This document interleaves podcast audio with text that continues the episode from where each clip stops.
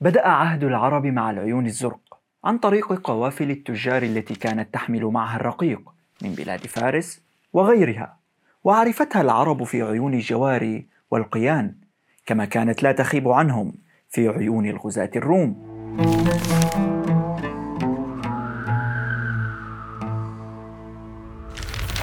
أصبح اللون الأزرق رمزا للكذب واللؤم والشر عند العرب حتى قيل عن شديد العداوة.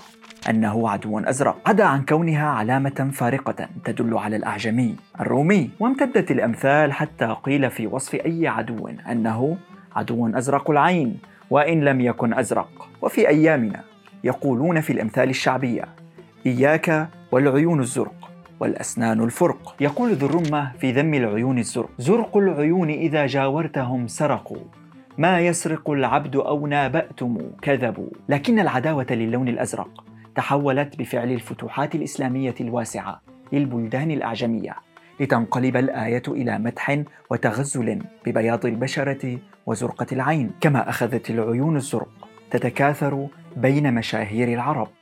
فمروان بن الحكم والي المدينة المنورة كان أزرق العينين وسميت باسمه عين الزرقاء وهي عين ماء تقع في جنوب غرب المدينة المنورة يقول عمر بن أبي ربيعة.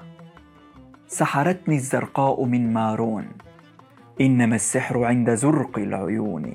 سحرتني بجيدها وشتيت وبوجه ذي بهجة مسنون. تميز الشعراء العرب بتشبيه زرقة العين بزرقة عتاق الطير أو زرقة حد السيف عن شعراء الغرب الذين شبهوا العيون الزرق بزرقة السماء أو البحر. يقول الوأواء الدمشقي يا من هو الماء في تكوين خلقته؟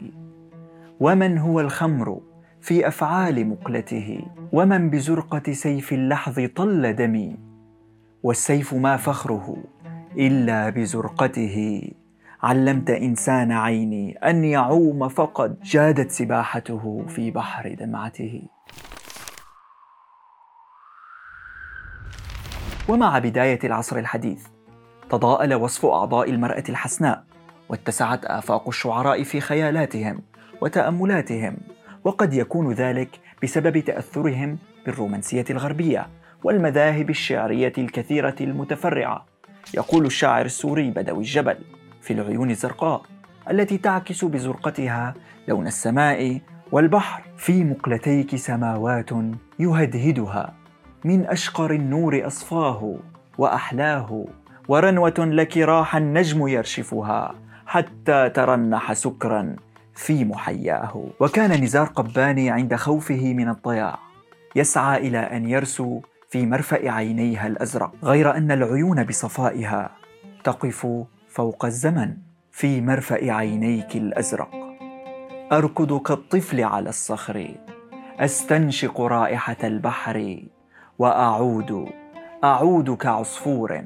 مرهق في مرفأ عينيك الأزرق تتكلم في الليل الأحجار في دفتر عينيك المغلق من خبأ آلاف الأشعار؟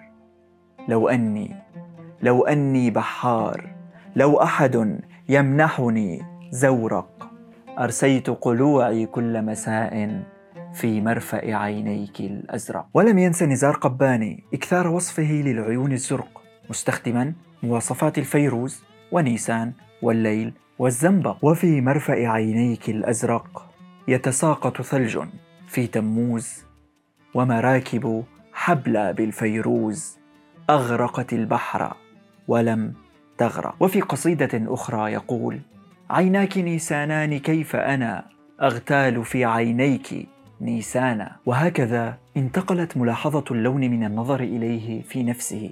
إلى النظر إليه كأثر منبه للنفس البشرية. ماذا تعرفون من أبيات عن العيون الزرق؟ اذكروا لنا آراءكم ولا تنسوا الاستمتاع بقصائدنا الصوتية وأمسياتنا وحلقاتنا المميزة عبر حسابات في على جميع مواقع البودكاست العالمية وتعالوا لنتحدث تحت فيء من شعر